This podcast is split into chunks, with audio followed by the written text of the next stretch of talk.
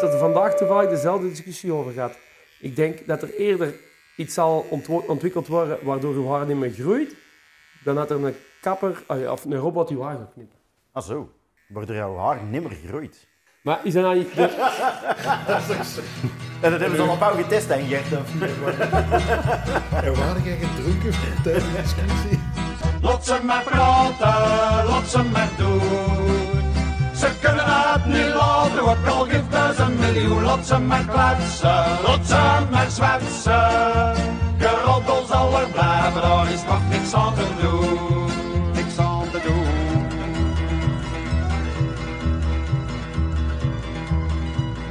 Ik heb vandaag ontdekt dat er twee soorten mensen op de wereld zijn. De eerste groep, waar ik zelf tot op het moment van opnemen van deze podcast toe behoor, is de groep die onze gast van vandaag van toeten nog blazen kent. De tweede groep zijn mensen die onze gast vooral kent van zowel toeten als blazen. In 1979 geboren op Curaçao, maar dan al snel verhuisd naar de Noorderkempen, waarschijnlijk voor het weer, vermoed ik dan, en opgegroeid in Meer. Op Wikipedia lezen we dingen als multi-instrumentalist, of componist, arrangeur of producer. En bij het schrijven van deze intro begon ik ook een bepaald patroon te ontwaren in onze gasten tot hiertoe. En dat is dat ze eigenlijk allemaal op een bepaald moment de schoolpoort op een vrij onafgewerkte manier achter zich hebben dichtgetrokken. Onze gast verliet het conservatorium van Rotterdam om de moedige, maar niet evidente keuze te maken om volledig van zijn trompet te gaan leven. En nu, een dikke twintig jaar later, heeft hij op zowat alle West-Europese en Noord-Amerikaanse podia gestaan en een indrukwekkend oeuvre bij elkaar gesprokkeld. En toch, aangezien ik niet de illusie heb dat ik een uniek sneeuwvlokje ben, ben ik ervan overtuigd dat hier in zijn oorspronkelijke heimat van Hoogstraten er nog een hoop mensen moeten rondlopen bij wie spontaan testbeeld voor de ogen verschijnt wanneer ze de naam Sam Vloemaas horen.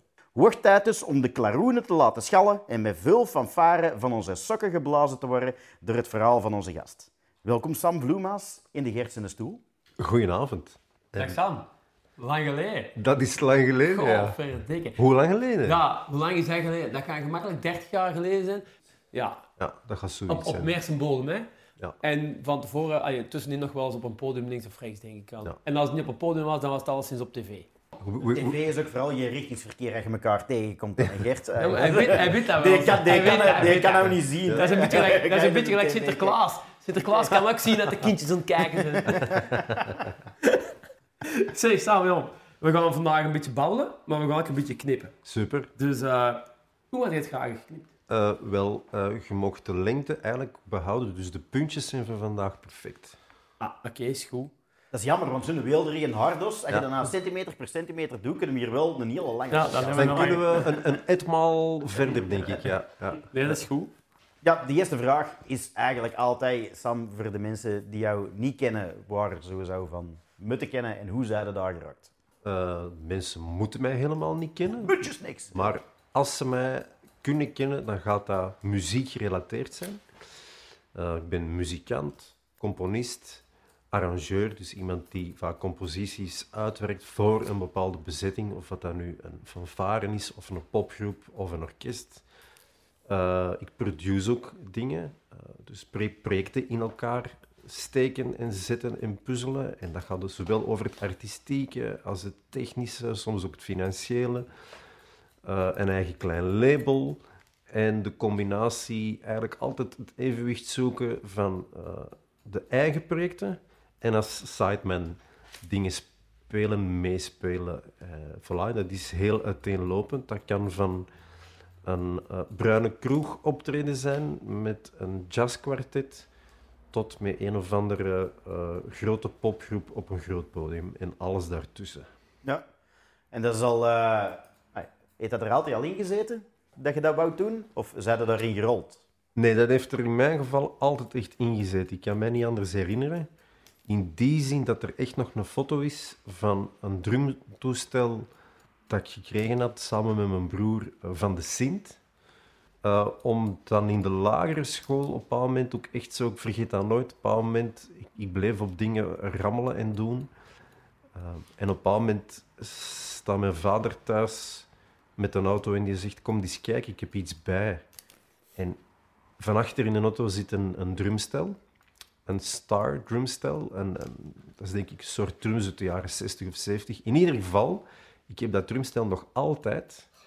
En, en dat, af en toe is dat zo wel wat in een hoek gezet, maar af en toe is dat ook opgesteld. En, en dat blijf ik heel regelmatig thuis eh, gebruiken. eh, omdat daar eigenlijk, voor mij is het op de, de drums en de potten en de pannen in de keuken is het begonnen. Ja. Dus niet bij de brassband Sint-Rosalia in Meer. Nee. En eigenlijk is de, de, insteek, de insteek is eigenlijk... ehm, ik weet nog heel goed in de lagere school ook eerst, dat, ik, dat klinkt misschien heel gek, maar ehm, ze zeggen dat in het Engels noemen ze dat een calling, een roeping. Dus muziek heeft mij altijd enorm getriggerd. Dat, iets heel eh, instinctief. Dat, ik, ja, ik kreeg daar vlinders van in, mijn- in mijn buik. Ik, werd daar, ik kon daar echt door geraakt worden. Dat je echt merkt dat bijvoorbeeld een top 30, die dan in het weekend op de radio was, dat ik daar eigenlijk een beetje verslaafd aan was. Dat ik echt van een box kon gaan zitten en voor dat uur die twee uur was het dat wat ik wou doen. En je mocht mij van die box niet weghalen, want dan was mijn dag eh, ja, vergald. En dat ik daar echt, echt emotioneel door kon meegenomen worden. En de reden dat ik eigenlijk bij een cornetje in een brassband in Meer ben beland, is eigenlijk... Ja, op een moment zijn aan het trommelen. Ik heb nog echt met vinylplaten leren meetrommelen. En zeer specifiek zelfs met sokka-platen van Arrow. Een artiest die dat dan op de Antilliaanse feesten ook al was komen spelen. Maar ik ben eenzijdig verlamd. Wat erop neerkomt dat eigenlijk mijn rechterkant, mijn been, arm, mijn oog, mijn oor... Dat is allemaal niet 100%. En je hebt zo'n paar technieken voor de drums, hè, zo roffelen en zo. Daar heb je eigenlijk ja, een techniek, paradiddles, losse pols voor nodig. En dat lukte niet. En dan is er zo'n soort... hè, als kind kun je heel eh, fatalistisch denken. Oké, ik kan met platen wat me- leuk meetrommelen, maar als ik dan echt wil leren drummen, is het eerste dat ik hoor... Ah, maar je kunt dat niet, want je kunt die basistechniek niet. En dan echt de reflex van, wat zou er wel kunnen? En via wat omwegen belanden bij, ja, wat, wat kun je met één hand? En dan, ah, oké, op een trompet. Ah, maar weet je, hier achter de hoek. Eh, in de zaal voor kunst en volk, daar hadden een brassband. Daar was ik acht of negen. En ehm, ik vergeet nooit, op een zaterdag, want wij gingen s'avonds naar mijn grootouders, op een zaterdag namiddag is toen nog senior Verboven, Me- meester verboden. meester Verboven, Ja, jong. die is toen een, een, een kistje met een cornetje komen brengen. En zo is dat bij mij begonnen. En dan, ehm, ja, dat was dat voor mij nogal fanatiek, want dat ging dan direct mee naar de grootouders, om daar dan in een slaapkamer er toch al iets proberen uit te krijgen, om dan na tien minuten bijna bewusteloos te gaan, want zo verkeerd, verkeerd te ademen en veel te veel en veel te intens. En voilà, dat is niet meer gestopt eigenlijk. Was dat in het eerste geval een negatieve keuze? Omdat je dat, dat drummen moest opgeven? Nee, ik zeg het, op dat moment als kind is dat gewoon een soort van het is wat dat het is.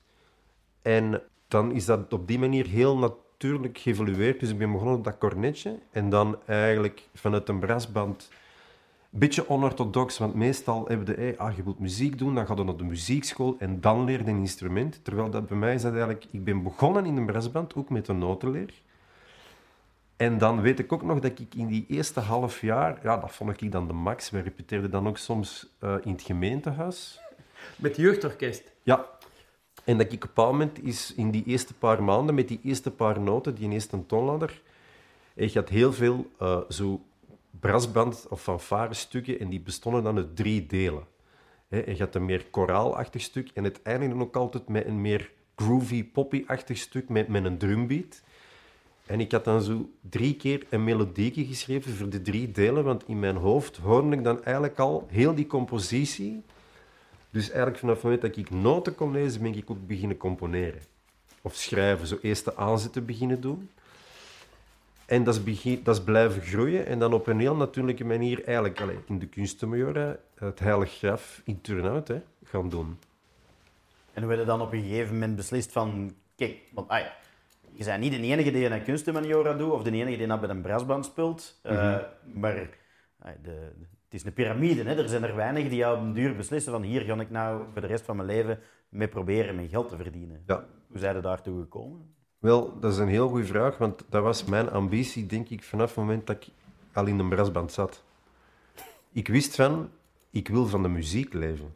Ja. En mijn ouders voelden en zagen en wisten ook heel snel van, ehm, Het zit erin. het zit erin. En die wisten ook heel goed, of die vonden allebei, want daar, dat bepaalt ook enorm veel. Pas op, hè, ik, ik kom heel regelmatig mensen tegen die zeggen van, ik had het misschien ook wel willen doen en dit en dat. Ja, hè. ja, ja, ja, ja. Maar even los van of dat iemand dan hè, de, de, de, de ambitie en, en de werklust en de, de, de, de discipline heeft, het moet ook mogen van thuis. Ehm, en op Op dat, een bepaalde leeftijd nog wel, hè? Ja. ja, ik heb van thuis uit altijd de support gehad. En ik denk dat dat ook een heel belangrijke is. Zij zagen echt dat dat serieus was, dat dat ook ja, heel onderbouwd was. Hè. Als ik PMS-testen deed, dan kwam er altijd naar voren dat het iets creatief ging worden. Dat was heel duidelijk. En daar ben ik altijd in gesteund geweest door mijn ouders. Dus dat is heel bepalend ook, denk ik. We kwamen er bij jouw PMS-testen altijd naar voren, Gert. Ik wou het eigenlijk zelf ook wel zeggen. Ook heel rechtlijnig. Ze zeiden eigenlijk maar één ding. Hij kan het wel, maar hij doet het niet. dat is echt waar. Dat is eigenlijk erg, hè? Maar ik kan, ik kan wel eh, getuigen in die zin van in een tijd met een braasband. Sam was toen ook al een talent, hè. Sam mocht eh, e- al heel snel eerste tromp, eh, cornet spelen en, en Ik was juist aan het denken, want ik hoorde nu dan eh, vertellen over dat drumstelletje, dat eerste drumstelletje, dat je daar dan eh soca op speelde. Ja, Zo, ja, als statisticus, ik hou me eigenlijk nogal geren bezig met causaliteit. En dan denk ik zo, komt, komt de liefde voor een bepaalde muzieksoort, maakt dat gemakkelijker voor trompet te kiezen? Of is het andersom? Is het feit dat de trompet er gekomen is, dat je... Heb je dat richting een bepaalde muziek gestuurd? nee, de, de trompet is er echt gekomen omwille van de, de handicap of de beperking. een antwoord erop. Ja. Ja, ehm, ehm, maar de, als het dan gaat over drumstel en muzikale invloeden, wat natuurlijk niet weg te denken is, is dat mijn ouders een, een goede vier jaar op de Caraïben hebben gewoond. Omdat mijn vader daar in plaats van een, een legerdienst, een burgerdienst als arts is gaan doen.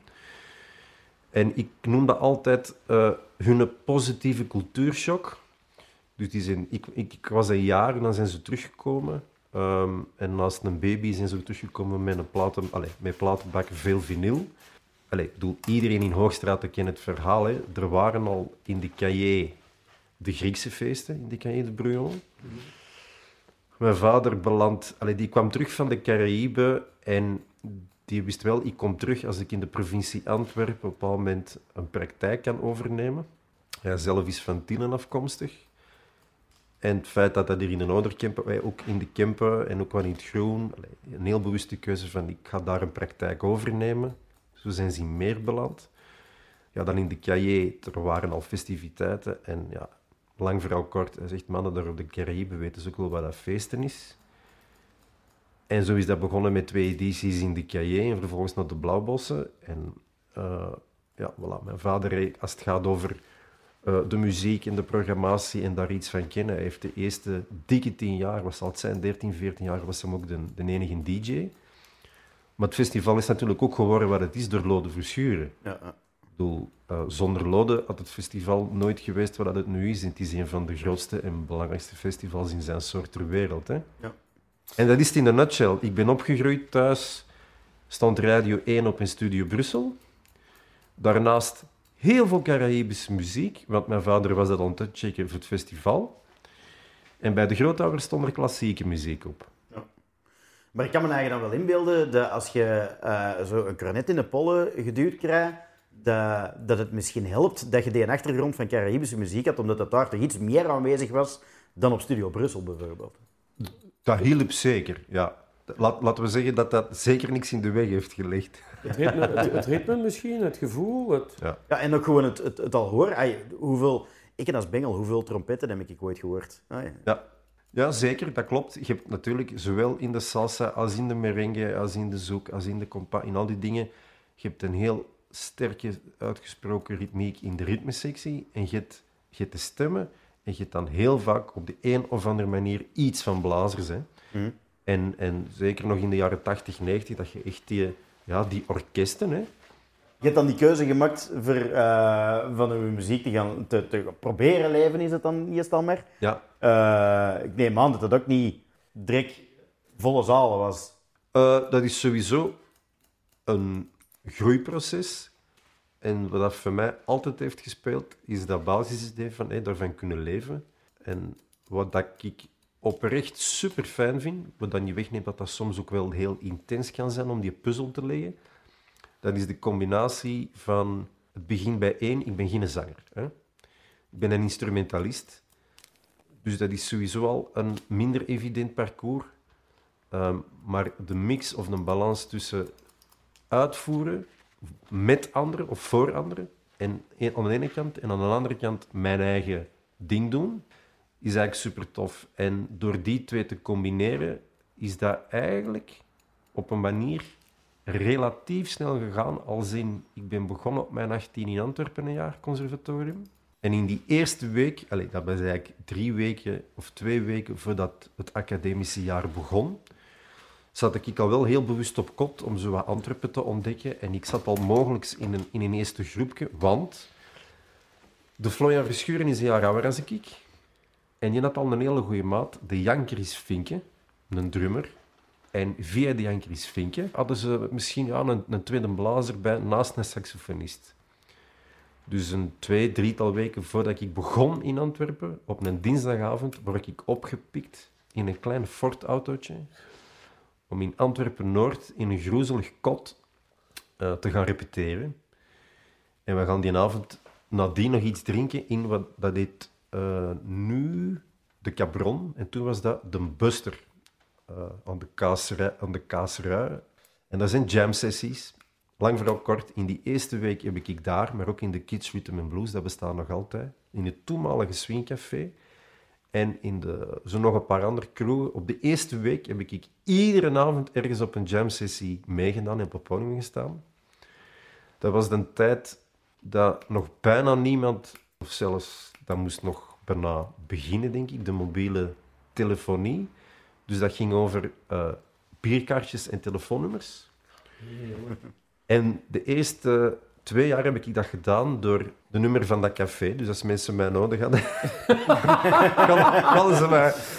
Dat ga ik ook vertellen thuis. En eh, dan kwam ik, een paar avonden per week kwam ik ook sowieso in de Buster. En dan zei Liliane de bazin, ah, zeg Sam, eh, er heeft iemand gebeld. In dat eerste jaar eigenlijk heel veel gespeeld, heel veel gejamd. En ja, de trompet is natuurlijk ook wel een instrument dat zich leent om te zeggen, zeg, komt er een meespelen.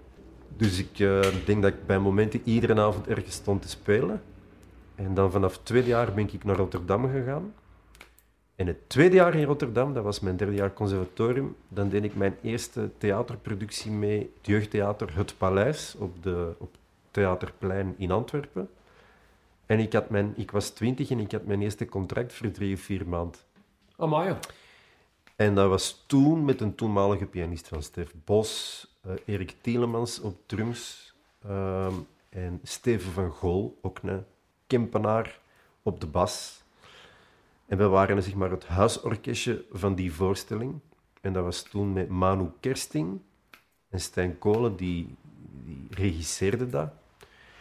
En ik zat ineens ook in een theaterwereld en ik zat met bluesbands te spelen en, en ik had sessies via het conservatorium. En na drie jaar conservatorium ehm, zeiden ze eigenlijk in Rotterdam letterlijk recht voor de raap van nou eh, Sam, allemaal leuk hoor, maar kom je nou studeren of ga je de baan op?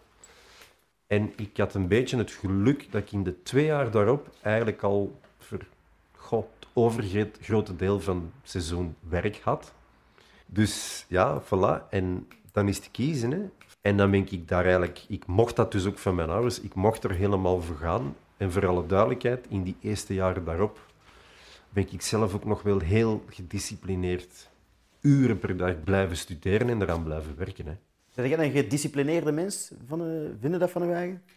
Eh, met het instrument dat ik speel heb ik gewoon geen keus. Ja.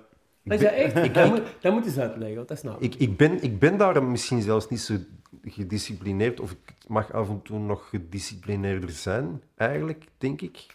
Maar dat heeft dan weer impact op mijn creatieve kant, natuurlijk. Dus dat is, dat is ook een evenwicht zoeken. Maar trompet is, ehm, is een a beast, hè.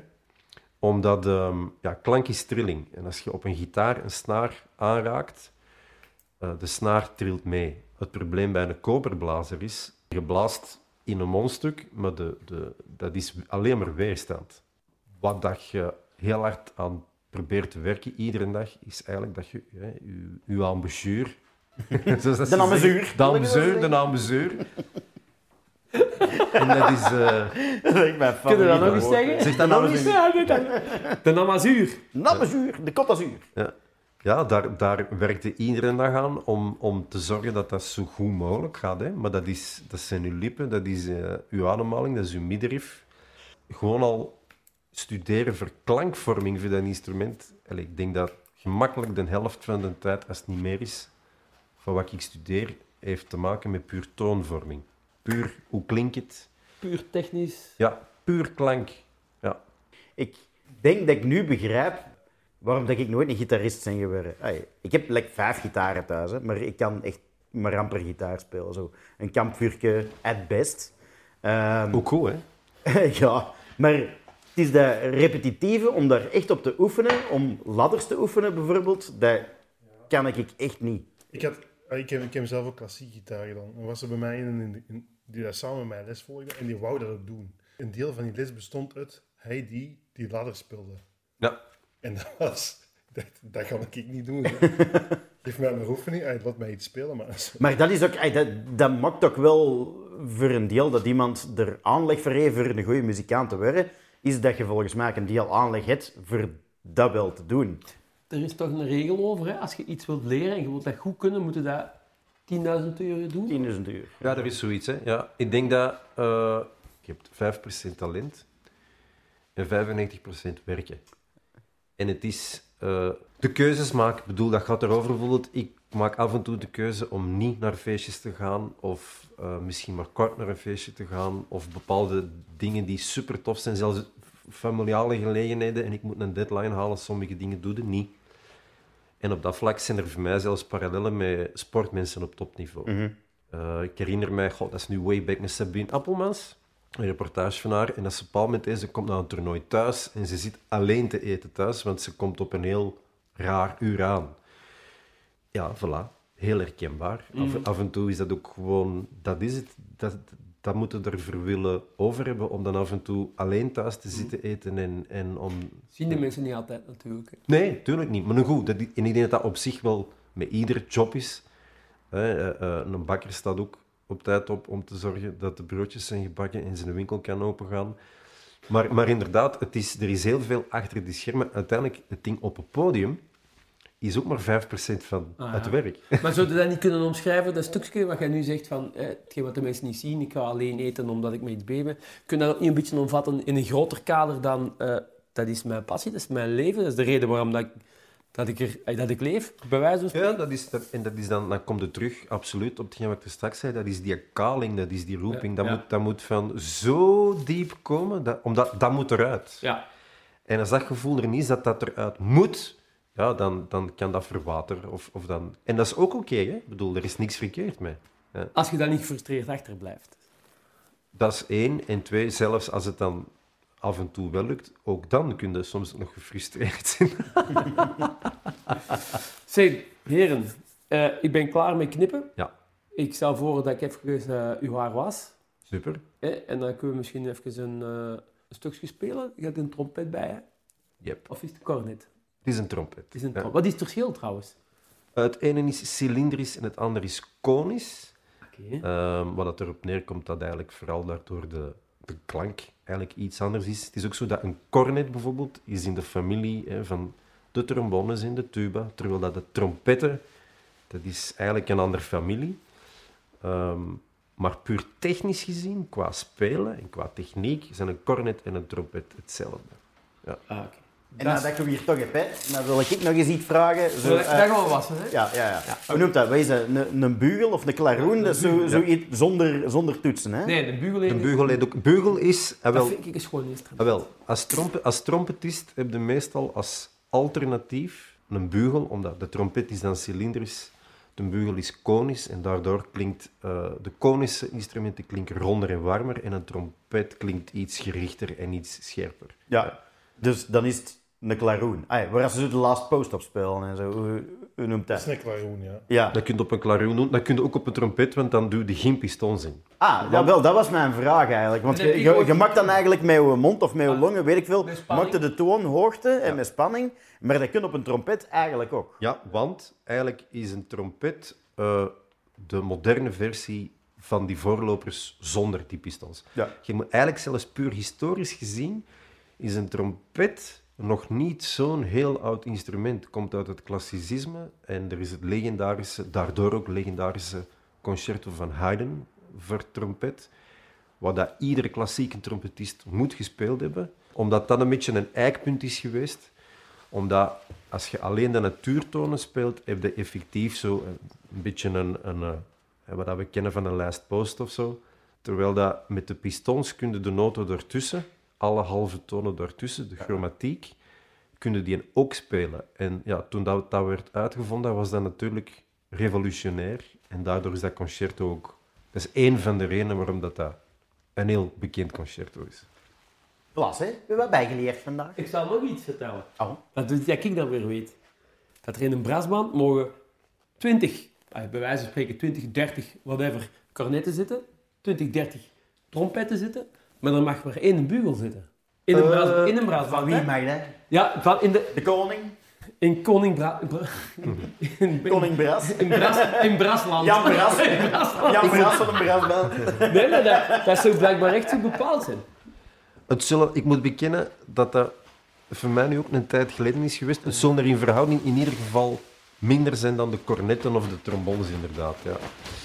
Heeft dat, met- heeft dat te maken met de klank? Of heeft dat te maken met een, een soort samenstelling die ze willen respecteren? Of dat is gewoon de eerste brasband, daar zat maar geen bugel in en iedereen... Dat kan natuurlijk ook. Of er waren niet genoeg bugels. Waarschijnlijk. waarschijnlijk is is lukkens die mop van, de, van, van, van eh, die West met die uiteindjes eraf snijden. Nee, nee.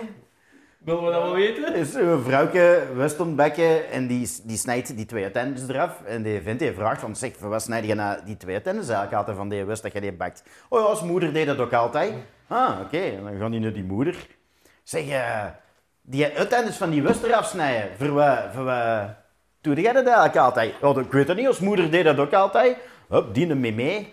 Ja, mee zeg, als jij West bakt, dan snijd jij er altijd die uiteindjes af. Voor wat doe jij dat eigenlijk? Oh, maar dat is iets dat ik nog van Grote Moe heb. Ja, Grote Moe die was ondertussen al over de 100 jaar. Die zat in het rusthuis. Dus hij met heel familie in het rusthuis Grote Moe gaan kijken.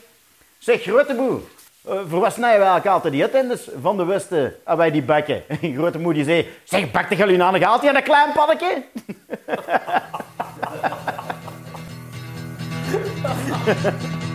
Goed. Terwijl Sam zijn eigen klaar maakt voor een stukje te spelen op zijn trompet, eh, nemen wij Geer de tijd voor onze luisteraars nog even rechtstreeks aan te spreken. Dat doen we elke keer op deze moment in onze podcast.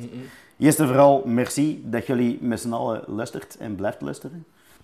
Je hebt ons al gevonden, maar je weet dus, je kunt ons vinden op www.propergeknipt.be, dat is onze website. Ja, En uiteraard ook op de gekende podcastkanaal iTunes, Spotify, wat is er nog hier? overal je naar de podcast kunt luisteren. Uh, kunt ons fijnen. Daar zijn we. Proper geknipt. Willy zijn daar. Ja, en babbelt met elkaar. Babbelt erover tegen vrienden en familie. Ja, als je ons echt wilt steunen toer, daar is het van. en vindt, godverdomme, iedereen zou naar deze podcast moeten luisteren. Wat houdt u tegen voor er reclame voor te maken? Deelt onze afleveringen op Facebook en andere kanalen. Als je ons iets materiëler wilt steunen, kun je ook altijd vriend van de show worden op www.vriendvandeshow, eh, www.vriendvandeshow.nl slash proper geknipt, want zo noemen wij. Eh, en daar kunnen voor een little 2,5 euro in de maand kunnen wij niks. abonneren op ons. Echt. Dat is niks. Dat is zelfs geen triple van Westmalver. Dus dat, nee, nee. paters goesting moesten Laat, hebben... laat, laat staan, dan bak op de avond. Ah ja, ja, voilà, ja. Want stel je voor dat er een gast zou zijn die graag Westmaal drinkt. Stel je voor, misschien komt er wel eens zo Ja. iemand Ik denk dat niet, want... die dat toevallig off-season is of even niet hoeft te trainen eh, Ja, we en. Geren een trippeltje drinkt. Of eh, eh, we gaan voort, want we zijn aan het zeveren. Ja, dus je benieuwd. kunt altijd met ons in contact komen via propergeknipt.gmail.com. Als je ons iets wilt zeggen, als je commentaar of opmerkingen hebt over de podcast. We lezen alles, we reageren niet op alles. Ja. Of anders gewoon via Facebook of via Twitter. Eh kun je ons ook fijnen. Maar blijf vooral luisteren en zeg tegen iedereen. Moest iemand kennen dat je denkt van godverdikke, die kan ook nog eens gewoon een verhaal vertellen. Ja. Laat het ons zeker weten. Ja. Dan gaan we daar contact mee opnemen en dan hebben we weer een nieuw verhaal. Hè. Voilà. Eh, is er, kei- ik kan even uh, die micro afstellen. Ah ja.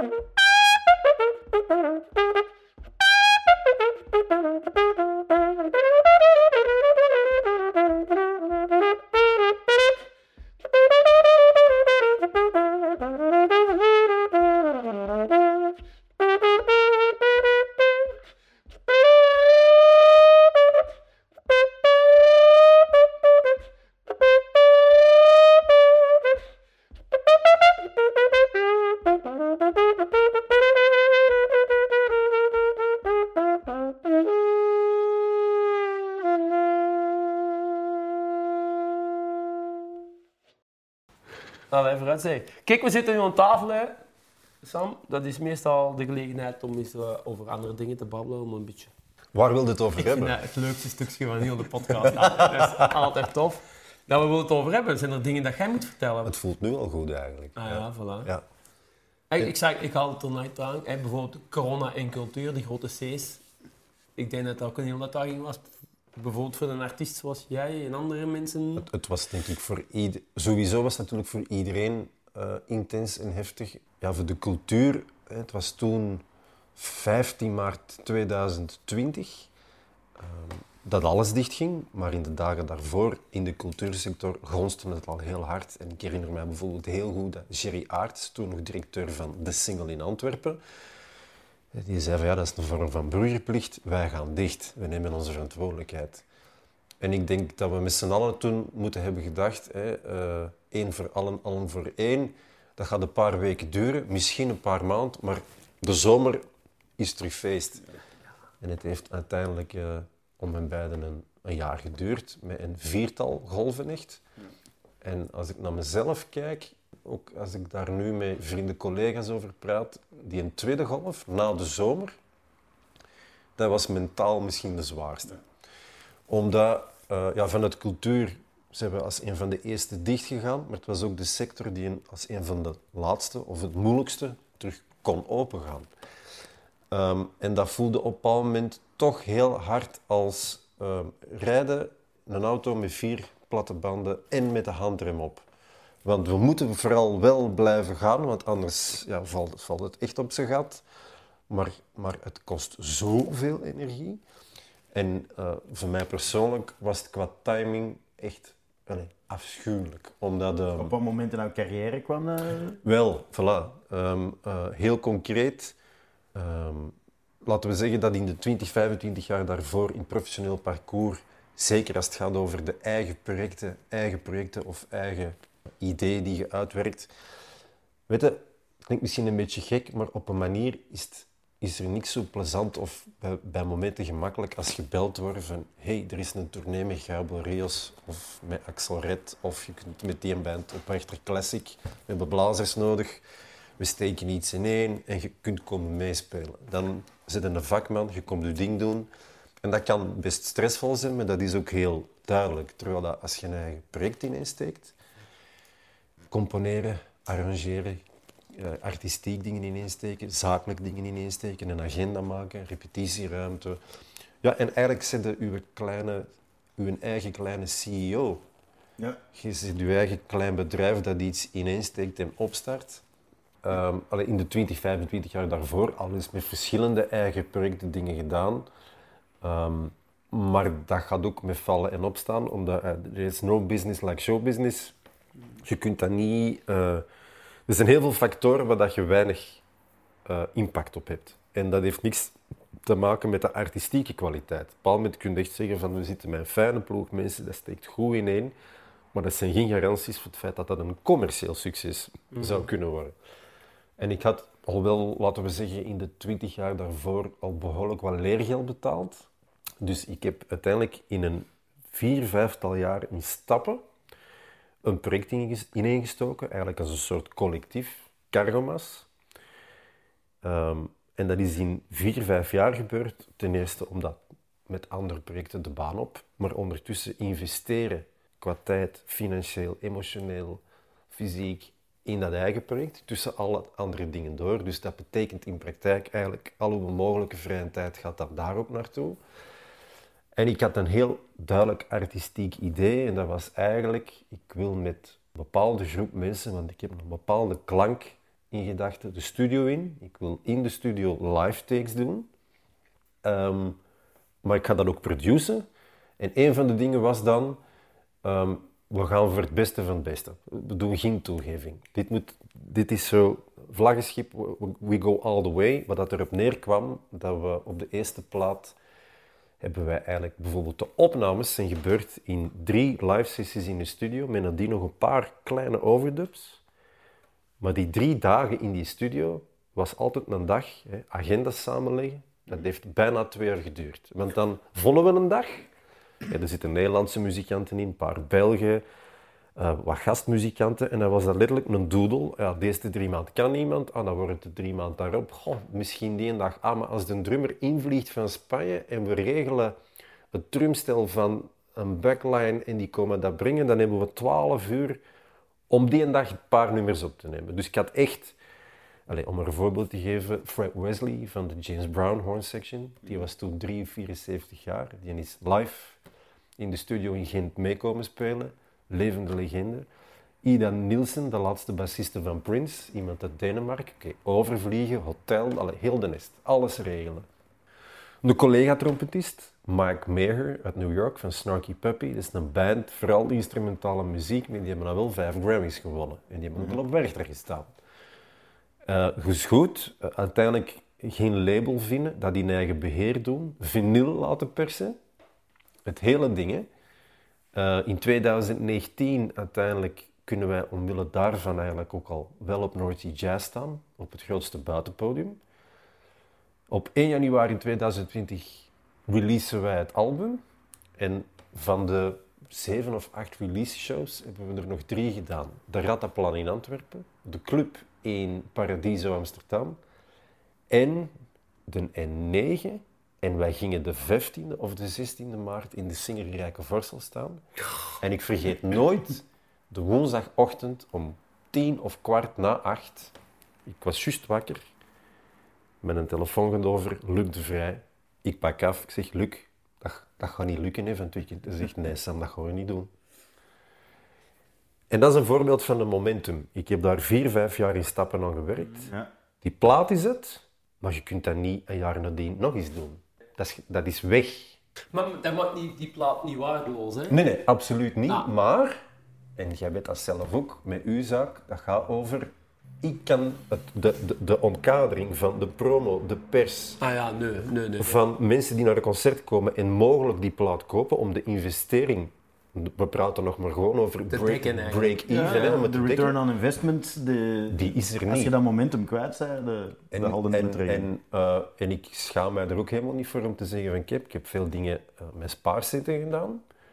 En als mensen dan vragen wat heeft dat gekost? Wel, een nieuw badkamer en of een nieuwe keuken. Dan heb je een idee van wat dat dat kost om een plaat te maken. Ja. En die put, ja, dus wat dat er natuurlijk nu gebeurd is, ik neem die plaat nog wel altijd mee en die verkoopt wel. En waarschijnlijk op de komende paar jaar ga ik dat dan wel enigszins, Je mocht er voor mij in opzij leggen. dat zal ik doen. Ja. Eh, maar dus, ja, voilà, dat, eh ehm, Ja, en misschien zijn er nog wel luisteraars die er ook in willen, hè? ja, wel, dan mogen die Maar dat... waar kunnen ze die bestellen? Weet je wat we zullen doen? Ik zal er hier een paar achterlaten. Ah, dat is keigoed. Top. Ja, voilà. Dat vind ik proper geregeld. Ik koop er ook nog in. Ja. Ah, dat is toch goed? Dat moet het doen. Ik heb geen meer. Ja, Ja. ja. Ja. Maar- Maar je hebt wel vijf gitaren waar je niks mee kunt doen. Ja, maar, maar er zit een cd bij. Ah, Ah, ja, ja. Ja, nee, dat vind ik echt top. En dan heb je er twee in één. Je hebt namelijk je hebt het cd'tje, daar kun je er ook je mp3's van trekken als je dat handig vindt. Maar je hebt ook de vinyl als kunstwerkje. En nee, maar ik draai vinyl, hè. in kader. Ja. En je kunt dat inkaderen. Ah, Voilà. Hey, dat is een goed idee. Misschien kunnen we daar wel eens een leuke ding mee doen, hè? Met de podcast. Als we... We, we hebben er al drie verkocht, denk ik. Want de Geert in de cd-speel en wij... Ah ja, voilà. Kijk, Ik heb ook geen cd-speler. dit ja. Nee, nee. We spreken af dat je, dat je... We gaan dat hier regelen. Maar niet allemaal, hè. Nee, nee, nee. Maar ik zal, ik zal, eens, een, ik zal eens een doos met Ja. een paar... Een paar. Ja, vooral... Ja. Ja. Goed, dus als alles luisteraars er tien kopen, dan zit er vanaf. Nee, maar ik kan me toch wel levendig Ah, voorstellen... Als we er genoeg verkopen, dan kunnen we het misschien eens fixen dat Ida Nielsen eens hier komt meespelen natuurlijk. Hè. Dat kan ook, hè? We maken een deal. Ja. Met, met, met, met, zo'n- hoe, hoe tof zou dat zijn dat we nu... Ik moet, even het, ik moet even het woord grootheidswaanzin googelen. Dat staat op zijn kop. Er is ook veel plots. Nee, je moet dromen, joh. Je moet dromen. En dat is een droom. Ja. Als je dat kunt doen en je kunt hier een optreden kunnen organiseren en zeg ik, bam. Ja. Maar om maar te zeggen, hè, want je hebt gelijk, dat is, ja, je moet dromen, maar dan heb je heel veel risico genomen en dan gebeurt er iets waar dan niemand controle over heeft. Dat is het, hè. En ik moet wel zeggen, tot op vandaag voel ik dat uit die put ben ik nog altijd aan het kruipen. Voor dat project, hè? Maar ik ben wel blij dat je het gedaan hebt. Kan ik Ah, voorstellen. sowieso. Ah ja, voilà, hè. Absoluut. Omdat, En dat is dan bijvoorbeeld, daar hadden we het net nog even met, eh, over Florian bijvoorbeeld. Ik heb ook, al, ik ben één van de vele mensen, ik ben absoluut niet de enige, maar een van de vele mensen die op een bepaald moment ook aan Florian zei van kijk, er is iets, iets, iets heel fascinerend aan ehm, goh, kunst of cultuur. Allee, want cultuur is nog, nog breder, maar dat is dat eh, een beetje een conflict tussen de behoefte om iets te vertellen en tussen een mogelijk commercieel succes. En dat staat lijnrecht tegenover elkaar. En daar, het ideale is dat je ergens daartussen in die balans ook ergens iets vindt dat marcheert. Maar wordt het dan niet, wordt het dan niet eh, de platvloerse muzikant die platjes wilt verkopen? Nee, ik heb het dan over, eh, ik geef een heel concreet voorbeeld, hè, omdat dat dan niet bij mij ligt. Hè. Florian, die een heel lang twijfelt, zou ik dat wel doen onder eigen naam? Want er staan ook gemakkelijk, hè, voor de, de ene persoon die het leuk vindt, staan er potentieel tien klaar om het af te knallen. En op, wel, ja, je komt op een punt, of op een leeftijd, dat je beseft, dat doet er niet toe. Het enige dat telt is, jij hebt iets te vertellen, dat is heel oprecht, en je moet dat gedaan hebben. En eigenlijk is al de rest op een manier van ondergeschikt belang. Alleen is het natuurlijk zo, als iets op een manier ook een bepaald commercieel succes heeft, geeft je dat juist meer marge en vrijheid om je ding te kunnen blijven doen. Is dat op een bepaalde manier met sociale media en nieuwe media en YouTube, eh, Spotify en zo, is het... Ik heb de indruk dat het precies gemakkelijker geworden is om in een niche iets te doen. Eh, dat, dat, het, of dat, het, dat, het, dat het lonender is, of kan zijn voor in een niche iets te dat doen. denk ik ook. Dat kan zeker, absoluut. Ik denk het, het, dat is zeker zo. De andere kant is dat juist omdat het democratischer is geworden, zijn er zoveel aanbod is groter, ja. dat, ehm, dat dat nu een beetje soms denk ik verzuipen is in de massa, maar dat neemt inderdaad niet weg. En de voorbeelden zijn er. Hè. Ehm, er moet maar ergens dan, is dat dan misschien die 5 of die 10 procent geluk dat sommige factoren even goed vallen zeker. Ehm, ik heb ook de indruk de dag van vandaag, en dat is dan iets waar dat je veel minder impact op hebt, is dat de playlists hè, van de Spotify's van deze wereld toch enorm veel bepalen. Ja. En daar heb je, tot zover dat ik daar iets over kan zeggen, heel weinig tot geen invloed of impact op. Algoritmes hebben geen invloed. Nee, maar ik, zei, ik, Maar ik denk meer wel, in, ik eh, geloof wat jij zegt in de zin van een niche-markt, dat is ook hetgeen dat ik hier doe. Hè. Dat, is ook Ja. een, dat, dat is ook een niche-markt. Hoe wij, hoe wij profileren op een andere manier. Hè, want dat doe je als artiest dan eigenlijk ook. Hè. Ja. En ik denk echt wel dat we naar die, die evolutie is echt wel ingezet. Hè. Je hangt nog altijd af van de good wel. Hè, van, eh, bijvoorbeeld een muziek samen- samenstellen van een zender. maar, maar Maar daar- dat, dat, hey, dat is... hey, je zegt nu van, je hangt af van die algoritmes, maar je hangt ook af van ene muzieksamensteller van de zender kan maken of dat Ja. uw plaat Er zijn in, heel er in zijn die relatie zit of niet. Hè? Ik geloof daar heel beperkt in. Omdat ik geloof dat alles begint met, met je eigen idealen, je eigen kracht en je eigen, zo, soms ook naïeve idealisme. Hè. Dat moeten we eerlijk zeggen. En dan Maar- staat er maar- daar tegenover iemand die zegt van, ja nee, die mannen die moeten niet Ja, daar zijn. toch geloof ik dat bij mezelf begint. Maar ik denk, ik denk dat bijvoorbeeld een Thibaut Christiaans en Equal Idiots, dat dat daar een goed voorbeeld van is. Op een gegeven moment zijn die om, om, Opgepikt, op- opgepikt door Studio, Studio Brussel, niet alleen voor hun muziek, maar ook gewoon omdat ze, omdat ze dat toffe mannen vonden en dan Thibaut een toffe vonden. En die, Dus Pieter is ook een toffe, hè? ja, ja. Even, dat goed, even goed, het is een plot van een van hun singles, niet in, die, in de playlist, de algemene relatie, allee, dat dan? Die playlist waarvan dat je kunt, weet dat je elke dag of elke twee dagen gedraaid wordt. Als die single daar niet in staat, ja, dan wordt hem niet gedraaid. Hè. Dan moet je dan blij zijn dat hem één keer wordt gespeeld. Hè. De Pieter wordt in mijn stoel gezeten hè, en ik, en, ah, ik ja, Gert, hè. Ik zei, wat doe jij? Ik ken die mensen helemaal niet toen op dat moment. Wat doe jij? Oh, ik ben een drummerke, zegt hij tegen mij. Gigantisch, hè? Ik moet nou wel zeggen, ik heb hem ook al 85 keer gevraagd voor de podcast, maar ik krijg hem niet bekend. Jammer, jammer, jammer. Ja, maar ik geef niet af, hè. Dat is dom. Nee, nee. Niet moeilijk dat hem niet in die playlist Ah, ja, ja, voilà. Die jongen had al lang schatrijk geweest, maar. Nu, wat jij zegt is heel interessant, want dat is, dat is de basis, of daar moet het vertrekken hè, van dat eigen idealisme en die visie. Ik, vind dat, ik, ben, ik geloof daar heel erg in. Maar er is ook een stuk voor de muziek bijvoorbeeld, en ik kan daar heel concreet op antwoorden. Cargamas bijvoorbeeld, dat is gegroeid. Dus de, de, wij spelen live om de, de klank die ik in mijn hoofd heb, dat ik denk dat we echt nodig hebben. Wij staan met zeven man op het podium. Nu, heel simpel gezegd, om te beginnen in het kleine België, kleine Vlaanderen, met een zevenkoppige band. Ook goed omkaderd met een eigen klankman en zo. We zijn met acht man de baan op. Eigen muziek, weinig of geen airplay, geen tv, niks met zang. Zelfs als boekers het enorm graag zouden willen doen, wat dat het geval is, dan zeggen die Sam, ja, goed, kijk, ehm, wij zijn helemaal mee met dat verhaal, alleen zien we niet vanuit de zakelijke kant hoe dat we daar een haalbaar verhaal van kunnen gaan maken. Dat is onbetaalbaar. Hè. Als ik dat in kwartet zou doen bijvoorbeeld, of, in, of met z'n vijven in quintet, Dan doe een toegeving. wel, en die wil ik niet maken. Snap ik. Heel simpel. Dan liever niet. Dan is dat verhaal niet juist. Nee.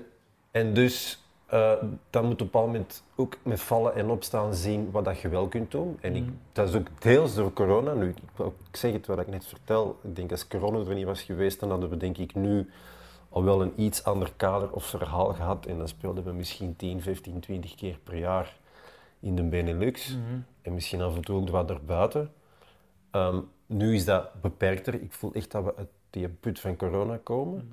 Uh, maar, maar gelukkig zijn er dan af en toe ook dingen waar dat ik mij aan kan vasthouden. En dan denk ik, goed, dan zijn het die dingen, maar dan bewaar ik wel die kwaliteit. Eén concreet voorbeeld. Wij gingen eigenlijk in 2020, eh, in het najaar, een project doen met Greg Boyer. Dat is een trombonist, is nu begin de 60 en die heeft 20 jaar Parliament van Funkadelic gedaan.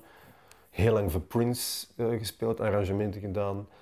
Met Maceo Parker gespeeld. En ehm, de single heeft dat project gelukkig niet losgelaten, want tijdens corona hebben ze ook keuzes moeten maken. Wat geven we op, maar wat proberen we uit te stellen? Omdat we zo'n concreet internationaal verhaal hadden en ik ging nieuwe muziek schrijven, dus het was echt wat zij noemen een wereldpremière, hebben ze tot drie keer toe hebben we de datum terug uitgesteld en we hebben dat nu in mei 2022 gedaan. Dus die is overgevlogen, vier dagen gerepeteerd, drie concerten gespeeld. Daar gaat ook een eh, muziekalbum, dat we gaan een selectie maken van die liveconcerten. We hebben dat gemultitracked, daar gaat een album, een album van komen. Ehm, maar dan is dat, oké, dat is redelijk kort en compact, maar dat is wel, oké, dan is dat waardevol en dat heeft zijn... Dat is het best mogelijke op dat moment. Ja, dan. voilà. En natuurlijk is het een scenario dat je moet er daar niet flauw over doen. Je, gecomponeerd, gearrangeerd, je werkt daar naartoe. Liefst zouden dan een keer of 10, 15 spelen. Maar goed, als dat er niet in zit, het feit dat het al kan, het feit dat zo iemand wil overkomen en het feit dat zo iemand zegt, ik ben fan van het project, dat zijn dan de, de kleine diamantjes om te, om te koesteren. Hè. Ja. Ja.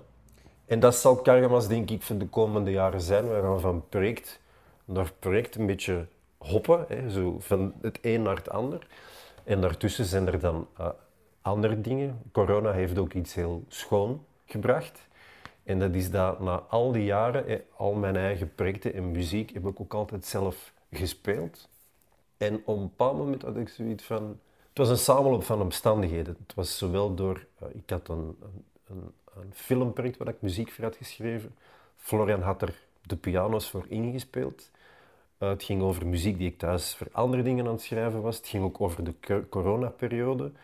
En het leek alsof het universum zei, het wordt ook eens tijd voor iets anders. en dat was gewoon, en dat zijn we nu trouwens aan het afwerken. Ehm, ik ga voor de allereerste keer eh, een album uitbrengen. Mijn composities, maar door andere muzikanten, solo gitaar, solo piano, uitgevoerd. Dus een hele pure, schone, intieme vorm. Eigenlijk perfecte muziek zoals nu. Hè, zo s'avonds muziek op de achtergrond of weer in de auto onderweg ergens naartoe. Eh, en Florian is... eh, eh, we hebben bij hem thuis trouwens, met zijn piano's, stukken opgenomen. Ehm, ja, en dat zijn dan de... Dat is, dat, dat is echt een andere kant. In plaats van veel toeters en bellen, juist iets heel klein en compact en heel puur. En dat is ook de max. Ja. Ja. Hebt ook ehm, gesnoeid tijdens corona. Zo, eh, als in gezegd, er zijn dingen geëindigd die dat je ook niet meer terug opgepikt hebt. Dat eigenlijk op dit moment een schone moment was voor te zeggen van oeh, deze was eigenlijk al lang genoeg aan het duren. Nee, nee, er is echt wel. ehm, het was vooral proberen, en dat heb ik bij iedereen gevoeld, behalve de schone dingen die er waren, om ja, te overleven. Ja. Ja.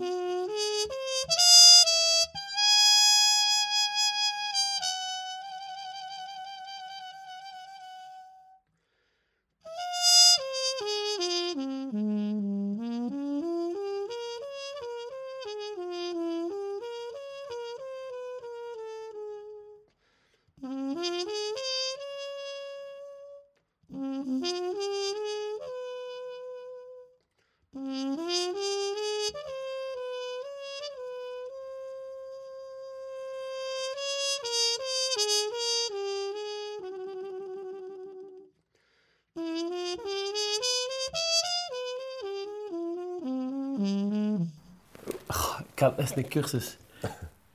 Gezond boerenverstand. Ik, zalig, hè. Dat wordt zelfs in de kapperswereld al aanvaard. Daar moet het mee doen. Gezond boerenverstand. Voilà. En dat is volgens mij ook zo. Maar ehm Gert is niet akkoord. De Gert denkt dan gezond verstand is al klaar genoeg. Is dat niet wat? Zeg jij niet voor gezond boerenverstand? Ik, ik fijn. Oké, Oké, als je nou echt niks wilt zeggen, dan moet je zeggen, ik gebruik een gezond verstand. Nee, dat is- Wat wil dat nee, zeggen? dat Wat wil dat zeggen, gebruik gezond verstand? Dat betekent toch voor iedereen iets anders? Dat is zo hol. Ja, dat kun, ja. Ja, Dat is een slogan. Is We dat, gaan erop gebruik je beginnen, gezond hè. verstand. We zijn vertrokken. Ja, we zijn vertrokken. Nee, nee, nee, daar zeg ik het niet mee eens. Maar goed. die podcast nou een uur hebben opgenomen en allemaal hebben geknipt. Om nu weer glazen ontgooien wij. Ja, man. Nee, maar ik vind dat, ik, dat klinkt goed, gebruik je gezond verstand, maar dat betekent voor iedereen iets anders. Tuurlijk. Ja, dat is waar. Dus daar zijn er niks mee. Hè? Als je gestructureerde, eh, als je naar beleid Ja, moet maken, zegt- gestructureerd, gebruik je gezond Maar jij zegt juist twee minuten geleden dat de wetenschapper ook niet zeker is van hetgeen wat hij zegt. Ja, pas op, maar, de, Dat zal onderbouwd zijn. ja, maar de wetenschapper weet dat, omdat wij werken met foutenmarges. Dat is wat wij doen.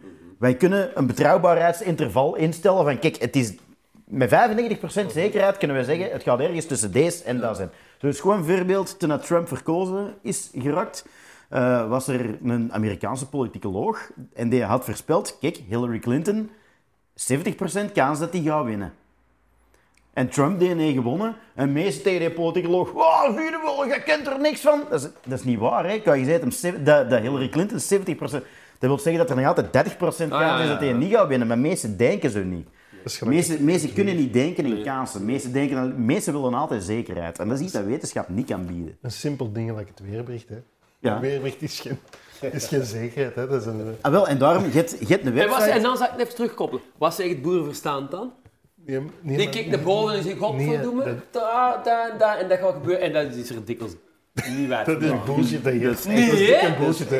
Zever. Oh, dan doe ik het weer. Ai, ik Dat is nou echt het, nee. Dat moet je niet zeggen. Sam, vind jij? Jij lacht ook. Ik geloof u tot op een bepaalde hoogte. Nee. Nee, nee, ik vind... is best een interne trompet aan het spelen. Die is het componeren. Die is het tuned out. Ja, dat zal wel kijken. Nee, maar, maar, over, over dat weer, er is een website eh, en die noemt Umbrella or Not. En het enige wat die website doet, is zeggen, zoek een paraplu mee pakken. Dus die geeft u geen weerbericht. Die, die zegt niet, er is 70% kans op ringer, want meesten kunnen dat niet vatten, 70% kans op ringer. Je zegt gewoon, pak een, pak paraplu mee of pak er geen. Ja. Zoals uh, kan ik een korte broek aan.nl. Ja, zoiets, ja. Staan, hè? Kijk, kijk, op. Dat is na alles behalve gezond Dat- Nee, nee, boerenverstand. dat is echt gezond boerenverstand. Kun je nou vandaag een korte broek aan of niet? Kijk, kijk, kijk. Nee, ik weiger te kijken. Zeg trouwens over de koers. Kijk jij naar de koers? Eh, af en toe, ja, absoluut. En vooral de laatste 40, 50 kilometer, hè, meestal. Ah ja, maar dat, dat is vandaag niet meer aan de orde. Hè? Ja. Ja, dat is eigenlijk te laat. Dat is Vandaag 50 kijkt de koers laat. 100 kilometer, minimaal. Hè? Ja, ja, nee, dat, dat, nee, dan, is dat, dan is dat met intervallen. Dan is dat zo even wel, dan staat dat op de achtergrond. Ah, wel, het kan zijn, het is heel grappig dat je dat zegt. Wat ik wel doe, ideaal om te studeren. Hè. Dus sportmatchen, tennis, wielrennen, eh, Formule 1.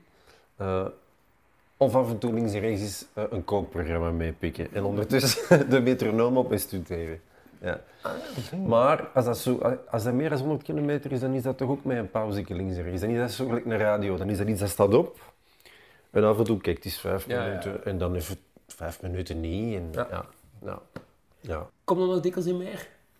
Of in, een, in de camper? In Meer kom ik niet meer zoveel, maar eh, eh, in de Kempen wel, hè. Ah, graag. ja, ja, Ook iets te weinig naar mijn goesting, maar, maar heel graag. Ideaal om af en toe even eh, uit te blazen, of om inspiratie op te doen, of om te schrijven in de rust, hè. absoluut. Ah ja, oké. Ja. Volgende vraag. Zullen we ooit nog hier komen wonen? De kans is klein. Ja. en de reden Dus dat ook, want daar kan hem niet mee om met kazen. Geen percentage op plakken. Ja of nee? het percentage is 70... Nee, nee. Nee, nee, ik zal wel op de website kijken. Ja, komt de Sam. Kom nog in Sam. de camper. Nee. Ja. Ah, even Maar uit, zeg, maar zeg nooit nooit, hè. Nee, nee, nee. Dat hangt van heel veel dingen af. Maar zoals het op deze moment is, met de dingen die ik allemaal doe, ik ben zelfs bij momenten gewoon ook weinig thuis. Ik ben ook heel veel onderweg. Dus ik zie de laatste twee, drie maanden eh, eh, in Helsinki gezeten, in een tour gedaan in Zweden. eh, ehm, ja, heel uiteenlopend. Ik ben zelfs heel vaak gewoon niet thuis. Ja. Dus, nee. En heel veel met een trein, hè. Ah, ja. Dus nee, dan is de, bijvoorbeeld vandaag de verbinding met een laatste bus die ik niet haal, eh, niet ideaal. Ja. En als mensen, die dan afvragen waarom heeft hij hier rijbewijs, dat is heel simpel. Dat is vanwege de beperking. Want voor mijn arm op zich, met een auto, kan dat nog, hè. Formule 1 systeem op je stuur. Maar ik heb zo'n slecht zicht aan mijn rechterkant, dat, ehm, ja, dat is gewoon te gevaarlijk. De vorm van rechts ik, pik ik niet mee, dus dat is not done. Dus niet. Dus ik doe heel veel met openbaar vervoer. Ja. En als ik mee moet met een tourbus en met materiaal, is dat soms wat inplannen. Of bij mensen blijven logeren. Ja, zeg. Voilà. Ja, ja, ja, ja, ja. oké jong. Zeg maar, vind je dat nu, los van die praktische zaken, hè, is dat voor u echt een beperking? Of is dat iets waar je zegt van, ja, oké, Sam is Sam en ik ga ervoor? Vooral dat tweede, ik heb ook nooit anders geweten. Nee. Wat niet wegneemt, dat dat gewoon af en toe... Kut is. Af en toe is dat wel eens vervelend, ja. dat, ja. dat begrijp ik. Ja. Ja, maar mm, 95, oh, percentage, hè. Vijf- 95 van de 100 is dat oké. Ja. We gaan tellen. De vraag is, waar zitten we nu? Nee, komen wonen niet eh, en, en komen optreden. Ja, dat maakt niet uit, hè. Optreden waar. Maakt Ja. echt niet uit. Ligt er iets Ik denk dat, dat in, in het verschiet? een, een van de leukste dingen van optreden is net eh, dat je, je komt overal. Ja. Ja. Eh, ligt er iets in het verschiet? Ehm, ehm, met Karmas is nu even rustiger, omdat we eigenlijk 2022 een inhaaljaar hebben gehad. Want we hebben naast aan Make Greg Boyer in de single hebben we ook een project gedaan eh, in, in CC Bornem met een klassiek Walter Boeikens ensemble en met een paar extra gastmuzikanten. We hebben in het OLT gespeeld, het Openluchttheater Vierenhof. Dus dan is dat, als dat ene seizoen veel is, is het seizoen erop meestal iets rustiger. Maar nu ben ik aan het schrijven van nieuwe dingen. Ehm, heel concreet voor Karmas zijn we nu aan het werken aan die plaat met Greg Boyer, die moet gaan uitkomen. Eh, die soloplaat met, met nieuwe dingen, met de Florian Verschuren bijvoorbeeld, maar ook met een Thomas Stiphout op gitaar. En als de mensen nou willen vijnen, Sam, waar kunnen ze vijnen? Ofwel googelen ze naar Sam Vloemans en dan samvloemans.com eh, of het, eh, het collectief cargomas.com en daar vinden ze veel. Hotel belt. Pak maar af. Yes. Ja, de Sam gaat blijven slapen. Ah, kom jij ons dan eens even halen? Nou ja. Ik wil ook wandelen, hè? Ah, ja. Sam, Sam wil ook wandelen, maar ik niet. Ja, ik zou wel een bericht sturen. Is het goed? Ja, dat is- dat is geregeld. Super. al je tafel. Ik, jammer. Nee, hij. Goed zo. En- ah, ja. Nee, goeie vrouw. oké, Zeker, zeker, zeker. Goed sok, maar ze met af en toe gestopt worden. Over boerenverstand gesproken. Ik was aan het opnemen. Ja. Eh, ja, Zeg, ik, nou- ik nou- nee, ik had nog iets te zeggen eigenlijk. Maar om, ik heb nu hè, vandaag gaandeweg het gesprek, en misschien bij Florian ook al. Eigenlijk zijn het toch vreed veel ondernemer hè, als muzikant. Hè? Ja. Terwijl ik eigenlijk dacht dat het creatief eigenlijk toch de bovenhand nam, is dat toch heel vaak niet. Hè? Want, hè, ik hoor allerlei projecten, met succes, minder succes. Eh, allee, ja. Dat is dat. En, en ook, ik ben heel blij dat je dat aanhaalt, denk dat mensen dat echt onderschatten. Ja, ik wel alles. Ehm, eh, zelfs de, de sessiemuzikanten die vooral ten dienste van spelen, zelfs op, op dat vlak, maar vanaf het moment dat je zelf iets zou willen vertellen, op welke manier dan ook, door concerten, eigen muziek, door dingen op te nemen, ehm, het, het, het zeer eh, complexe, rare beest van de social media.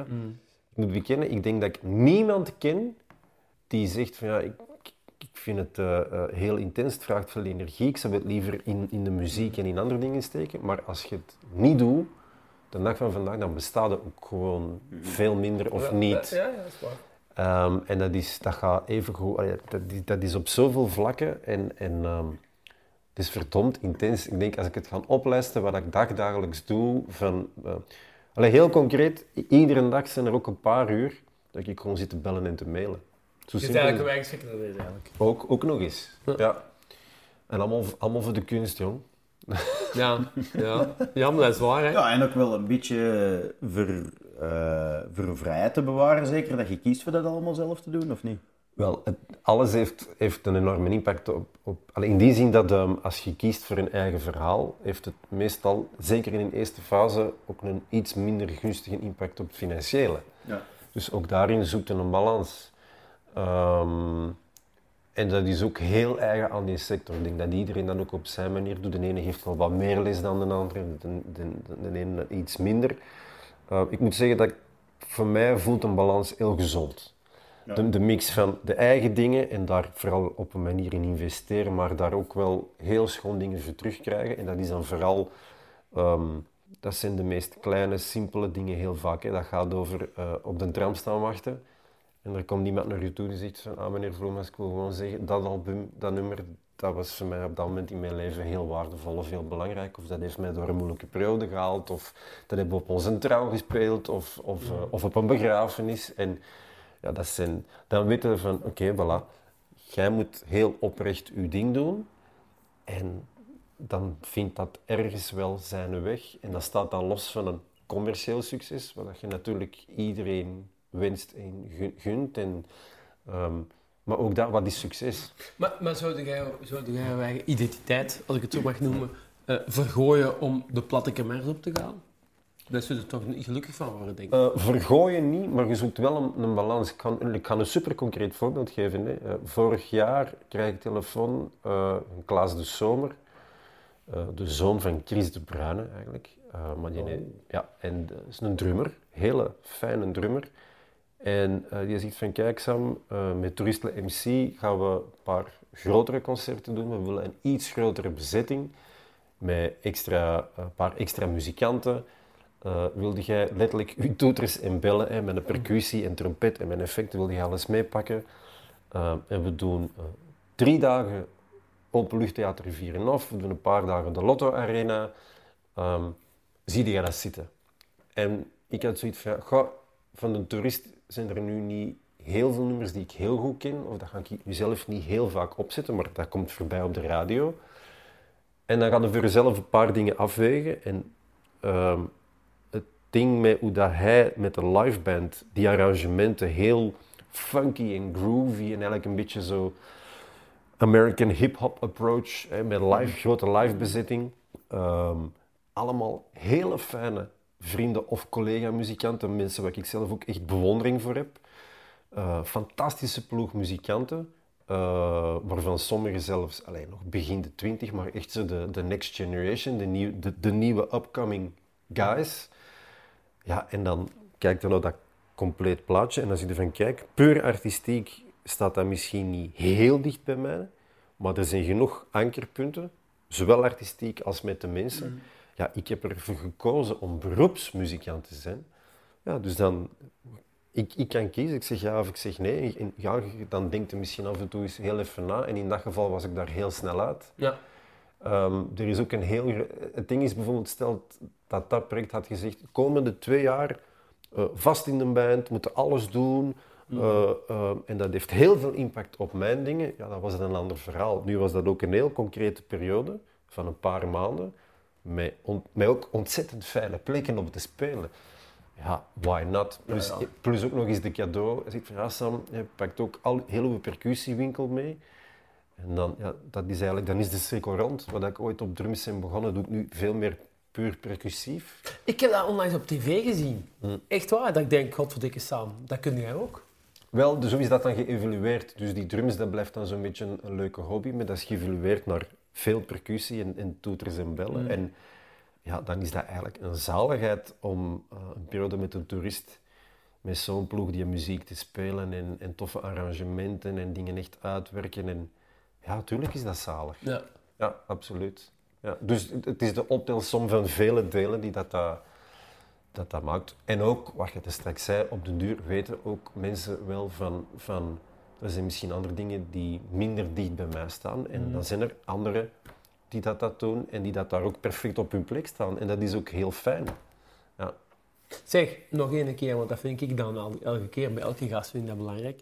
Maar ik heb het er nu nog niet over gehad. Van, hoe combineer je dat met gezin? En met thuissituatie? Ja, want ja. er zat iemand achter u die voor u, of met u leeft, of, of voor u zorgt. Of, of... Dat is niet evident, maar ik heb het ongelooflijke geluk dat mijn vrouw uh, is zelf... Uh, wij zijn nu 14 jaar samen. Uh, ik heb haar eerste carrière niet geweten. zij is ballerina geweest. professioneel voor Ballet van Vlaanderen. Dus die heeft van haar 18 tot haar 3, 24 heeft hij de, wereld rondgetoerd. Inderdaad, keihard. Nou, dat is niet normaal. Daar kun je niet... Allee, ik denk dat de beste vergelijking voor de mensen is... eh, wij zijn gaan kijken naar The Black Swan, de film. Mm. En ze zei... Als je dat, ze zegt... Ze vond dat een hele goede, film, omdat ze zei van ja, het geeft behoorlijk goed weer hoe dat het is. Het, ook het hele psychologische, maar doet allemaal drie. That's the real world. Ik heb dat toevallig in een zeer vereenvoudigde versie mogen meemaken. Als Cato, mijn, mijn oudste dochter, die deed ook ballet, hobby. En op een gegeven moment, ik denk zoals zoveel, hè, ja, het kind heeft talent, het kind heeft talent. Ja, kom, kom balletschool doen. Hè. Dat was aan op lagere schoolniveau. Hè. Was, het kind was op dat moment, ik denk, tweede, derde studiejaar. hè. Die werd eruit gehaald en die mocht dan ballet. Ja, maar joh, echt. Stop, ik, ik kan niks, niks zeggen. Ik oordeel niet over, over eh, dingen, maar dat is eigenlijk niet voor een kind. Dat is eigenlijk, niet, eigenlijk is dat niet normaal wat die mensen Het is heel wat die verwachten. Natuurlijk, ja, als je daarin slaagt en je kunt volbrengen,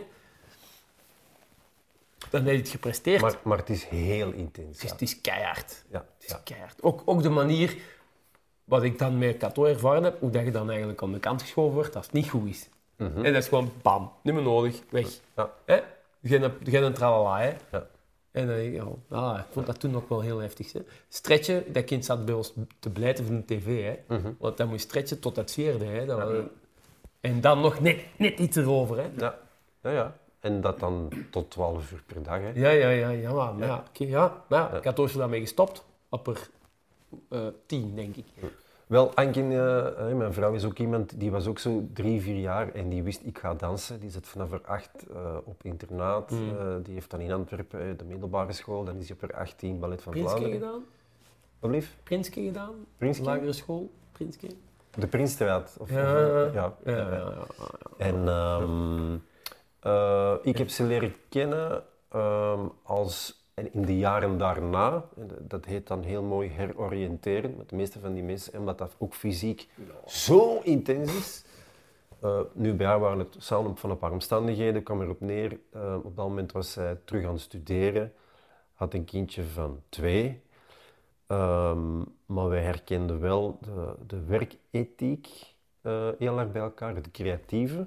En zij is ook iemand die op dit moment eigenlijk die een balans altijd een beetje zoekt. Zij geeft ook les, maar zij blijft ook maken. En dat is bij haar wat verschoven naar ehm, voorstellingen voor kinderen, of jonge kinderen zelfs. Theaterstap, eh, eh, De Spiegel in Antwerpen, eh, heeft ze een paar jaar geleden, eigenlijk net voor de lockdown, ook een voorstelling gemaakt die nu gelukkig nog altijd toert. In dat circuit ook echt heel internationaal. Ehm, lang vooral kort, wij herkennen de, de zoektochten, balans, creativiteit, werk en privé. En dat gaat over, eh, af en toe is dat wel eens intens, maar wij hebben daar eigenlijk nog nooit echt ruzie over gehad, omdat we, omdat we het kennen, omdat we het herkennen en omdat je weet, gewoon iedere week even samen zitten, of dat toch zeker proberen, een agenda, wat dingen opschrijven, dingen bespreekbaar maken. En ja, dat gaat over daar, ehm, daar heel helder in zijn. En dat gaat bijvoorbeeld over, ehm, zelfs als ik dan eens tien dagen naar eh, Denemarken moet of naar Zweden voor een tour, dat goed op tijd weten en zeggen van goed, wat zijn er dingen die ik nog kan voorbereiden of omgekeerd. En eh, misschien was los daarvan het moeilijkste de coronaperiode, omdat wij met een puber zaten. En ik moet zeggen dat eh, voor jonge kinderen was de corona dan nog ergens, die zitten toch in hun bubbel. En was denk ik voor de ouders soms heel heftig. Want Klopt. krijg het maar eens, voor, krijg krijg het maar eens met je werk gecombineerd. Maar voor jonge eh, volwassenen, pubers, tieners, is dat toch waanzinnig heftig, de impact. Dat is het moment dat je je ontplooit, je hormonen, je vriendschappen, wat houdt dat in? Ja, twee jaar vrijheid dat je kwijt bent. hè. Ja. Twee jaar dat je echt... Dat je, je moet niks. Op dat moment Het in enige je wat je moet leven. doen is nog je, je examen doen. Ja, ga, ga maar eens op kot, hè. Ja, Ja. Ja, ja. Op kot, het eerste of- jaar. Of, vier, Normaal gezien duren de studies drie of vier jaar. Je bent twee jaar zijn al kwijt. of, of het vijfde, het zesde middelbaar. Ja. Die mannen gaan op café, die gaan Ja. Het jeugdhuis. Voilà. Dat allemaal niet. Nee. Ja. Ik weet niet of dat, al bijgewerkt is ondertussen, of dat die dat al bijgehaald hebben. Dat gaan we pas later weten, denk ik. Hoe dat, dat, eh, wat een impact daar echt van gaat zijn. Je hoorde dat ook, hè, in het nieuws. Van, eh, dat is een generatie en die, aan, die, hebben ook, die weet ook niet hoe dat het uitgangsleven er aan toe gaat. Dus we worden eerst op een 18 of zo Ja. En die zetten de boel op- compleet op stelte. En hoe dat dan ook op een manier, en ook dat is dan weer dubbel, hè, maar, maar voor een stuk ook de social media Ja. ook weer een redding is geweest. Als een soort parallel universum. En, en Veel sterker is geworden ook, hè? hoe dat, dat- Als enige, als enige communicatiekanaal uiteindelijk. Hè? Ja, absoluut. Dus, eh, Goed, jong. Eh, Het Yes. is eh, veel te laat al. schitterend. schitterend. Ja, maar voilà. Mijn vrouw, mijn vrouw die zei... Sam is hem dus gemist. Nee, mijn vrouw die zei ja, dus Sam Vloema, Sam Vloema. Gaat hij wel, gaat hij wel babbelen, zeg je. Oh, voilà. Zijn ze dat nu? Ja, dat is Ah, ja. Ja, ja, Ik weet eigenlijk niet of hij gaat babbelen. Nee. Voilà, ja, kijk, kijk. ja. Dus het is nou ja, wat doen, dan is het goed bewerkt. Goed hè. Dank u wel voor dit nodiging. Graag gedaan. Eerst ons nog goeiedag te zeggen tegen. Ja, voilà. Eh, Doe die hem, hè. Goeiedag iedereen. Nee, nee, het was zeer aangenaam. Superleuk. Ja, doe mij, jong. Laat ze maar praten, laat ze maar doen. Ze kunnen het niet laten, ook al geeft het een miljoen. Laat ze maar kletsen, laat ze maar zwetsen. Geroddel zal er blijven, daar is nog niks aan te doen.